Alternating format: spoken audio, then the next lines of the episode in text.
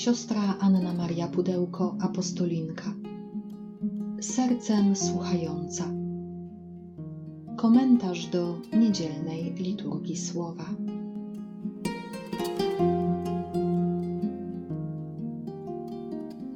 Z Ewangelii według świętego Łukasza. Zdarzyło się, że Jezus, zmierzając do Jeruzalem, przechodził przez pogranicze Samarii i Galilei gdy wchodzili do pewnej wsi, wyszło naprzeciw niego dziesięciu trędowatych. Zatrzymali się z daleka i głośno wołali: Jezusie, mistrzu, ulituj się nad nami. Na ten widok rzekł do nich: Idźcie, pokażcie się kapłanom. A gdy szli, zostali oczyszczeni.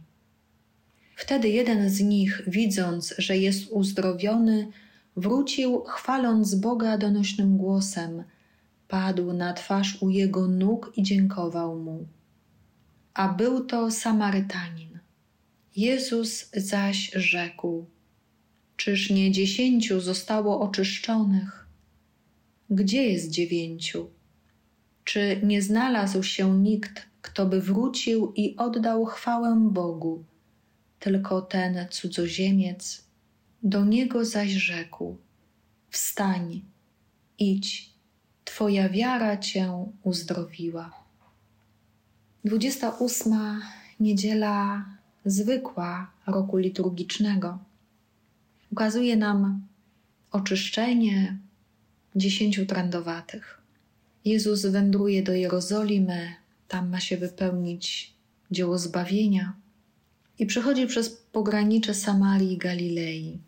Przeciwne jest to, że w tej grupie dziesięciu trendowatych, których los jakoś połączył, mamy zarówno razem Żydów, jak i Samarytan. Nie wiemy dokładnie, kto stanowił tą grupę dziesięciu, czy był tylko jeden Samarytanin, czy było ich może więcej. Ale sam fakt, że byli wymieszani tutaj, że byli razem, pokazuje nam, że tak wielkie, tak okropne cierpienie, jakim był trąd, choroba wówczas śmiertelna, choroba, która nie była tylko chorobą fizyczną, ale także e, chorobą, która przenikała duszę, bo e, trędowaty był wyłączony z synagogi, wyłączony ze społeczności, odsunięty, wykluczony właśnie z powodu niebezpieczeństwa zarażenia innych, właściwie martwy za życia. I nie tylko dlatego, że w czasie choroby jego ciało było jedną otwartą, rozkładającą się raną, ale też dlatego, że dla innych był już jak zmarły. I ci ludzie jednoczą się w tym cierpieniu, w tym bólu, w tym odrzuceniu, i gdzieś tutaj są przekroczone też te wrogości, które towarzyszyły w tym momencie sporom pomiędzy Żydami i Samarytanami. I możemy powiedzieć, że taka wspólnota trędowatych przychodzi do Jezusa i błaga go: Jezusie, mistrzu, ulituj się nad nami. I Jezus daje im takie dziwne polecenie: idźcie, pokażcie się kapłanom. Nam być może te słowa nic nie mówią, nawet możemy się zdziwić, no dlaczego nie dotknął ich, nie, nie położył nad nimi ręki, nie powiedział chcę, bądźcie oczyszczeni, jak to było w innych przypadkach. Jezus wysyła ich do kapłanów. E, ale ci, którzy znali obyczaje żydowskie, wiedzieli, że trędowaty mógł się pokazać kapłanowi tylko z jednego powodu. Aby kapłan powiedział, że choroba trądu została wyleczona, co się bardzo rzadko zdarzało, i tylko kapłan mógł stwierdzić, że chory jest już zdrowy i może powrócić do społeczności. I faktycznie oni ruszają. To znaczy, że mieli wiarę w słowo Jezusa. Nic się nie zmieniło. Trąd dalej jest na ich ciele. A oni wyruszają w drogę ku Jerozolimie, ku świątyni, aby pokazać się kapłanom. I w momencie, kiedy są posłuszni słowu Jezusa, nie doszli jeszcze do celu swej drogi, zauważają, że zostali oczyszczeni. I Idą dalej, aby pokazać się kapłanom. Tylko jeden z nich, widząc, że jest uzdrowiony, idzie nie tylko podziękować Bogu, ale idzie też podziękować Jezusowi. Jeśli pada na twarz u jego nóg, to znaczy, że w tym momencie w Jezusie widzi już kogoś więcej niż tylko rabbiego, niż tylko nauczyciela, niż tylko mistrza. Chwali Boga i chwali Boga przez Jezusa Chrystusa. I Jezus podsumowuje całe to wydarzenie. Czyż nie dziesięciu zostało oczyszczonych? Gdzie jest dziewięciu? Nie znalazł się nikt, kto by wrócił i oddał chwałę Bogu, tylko ten cudzoziemiec. Czyżby Żydzi myśleli, że uzdrowienie im się należy? A może chcieli to uczynić w świątyni, ale nie podziękowali Jezusowi? Gdzie jest dziewięciu? Ile razy i my otrzymujemy tyle łask od Boga? Czy potrafimy powrócić do Jezusa, aby Mu podziękować? Czy uważamy, no tyle się modliliśmy, tyle cierpieliśmy, tyle pościliśmy, należy się nam, a nam się przecież nic w życiu nie należy. I być może, kiedy otrzymujemy te łaski i nie radujemy się nimi, razem z Jezusem, Jezus też stawia to pytanie: Gdzie jesteś? Dlaczego Cię tutaj nie ma? I odpowiada do tego uzdrowionego Samarytanina: Stań, idź, Twoja wiara Cię uzdrowiła. I jest duża różnica, powiedziałabym ogromna różnica pomiędzy tymi dziewięcioma i tym dziesiątym. Tamci zostali tylko oczyszczeni z trądu. Samarytanin został uzdrowiony całościowo.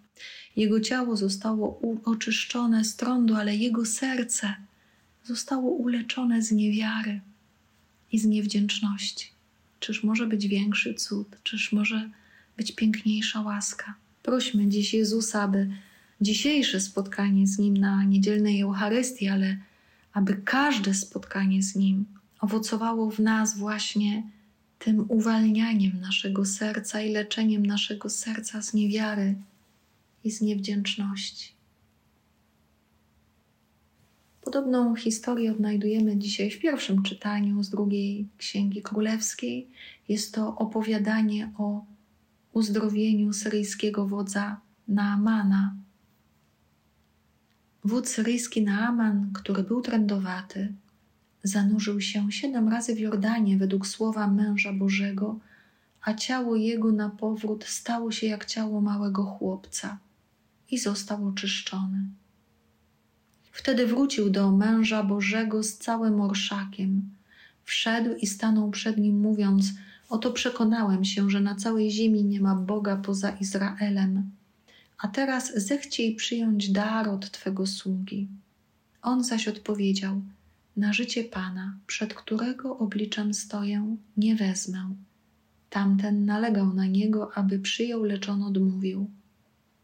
Wtedy Naaman rzekł: jeśli już nie chcesz, to niech dadzą Twemu słudze tyle ziemi, ile para mułów unieść może, ponieważ odtąd Twój sługa nie będzie składał ofiary całopalnej, ani ofiary krwawej innym bogom, jak tylko Pan. Również Naaman posłuchał proroka i zanurzył się siedem razy w wodach Jordanu to posłuszeństwo temu, jakże prostemu gestowi, przyniosło mu uwolnienie od trądu, uzdrowienie fizyczne, ale przyniosło mu także łaskę wiary. Bo tylko prawdziwy Bóg może uleczyć z tak ciężkiej choroby. Odpowiedzią na dar tego słowa jest Psalm 98. Śpiewajcie Panu pieśń nową, albowiem uczynił cuda Zwycięstwo mu zgotowała jego prawica i święte ramię jego. Pan okazał swoje zbawienie, na oczach pogan objawił swą sprawiedliwość, wspomniał na dobroć i na wierność swoją dla domu Izraela. Ujrzały wszystkie krańce ziemi zbawienie Boga naszego. Wołaj z radości na cześć Pana cała ziemia. Cieszcie się, weselcie i grajcie. Psalm 98 ukazuje nam działanie Boga, moc Boga, który wspomina na swoją dobroć i wierność, którego ramię święte i prawica działa z mocą. Także wszystkie krańce ziemi widzą zbawienie Boga, a każdy, kto go doświadcza, może wołać z radości, cieszyć się, weselić i grać na chwałę Pana. Drugie czytanie, zaczerpnięte z drugiego listu świętego Pawła do Tymoteusza, ukazuje nam wierność Boga, nawet pośród naszych niewierności. Najmilszy, pamiętaj na Jezusa Chrystusa, potomka Dawida. On według Ewangelii mojej powstał z martwych. Dla niej znoszę niedolę aż do więzów, jak złoczyńca. Ale Słowo Boże nie uległo spętaniu. Dlatego znoszę wszystko przez wzgląd na wybranych, aby i oni dostąpili zbawienia w Chrystusie Jezusie wraz z wieczną chwałą. Nauka to godna wiary. Jeżeli bowiem z Nim współumarliśmy, z Nim także żyć będziemy. Jeśli trwamy w cierpliwości, z Nim też królować będziemy. Jeśli się będziemy Go zapierali, to i On nas się zaprze. Jeśli my odmawiamy wierności, On wiary dochowuje, bo nie może się zaprzeć samego siebie. Paweł jest w więzieniu, ale i w więzieniu jest apostołem Chrystusa, bo Słowo Boże nie uległo spętaniu. I w więzieniu także inni mogli go odwiedzać, a on mógł swobodnie pisać listy do wspólnot, ale też głosić Słowo. Więc nawet w najtrudniejszych warunkach możemy przy pomocy Bożej łaski pozostawać wierni Bogu. Jeśli cierpimy z Chrystusem, jeżeli z Nim współumieramy, będziemy z Nim żyli, mówi święty Paweł. Jeśli pośród wielu przeciwności trwamy w cierpliwości, będziemy z Nim królować. Ale jeśli zabraknie nam wierności, Chrystus pozostanie nam wiernym, bo nie może zaprzeć się sam siebie, bo jest miłością.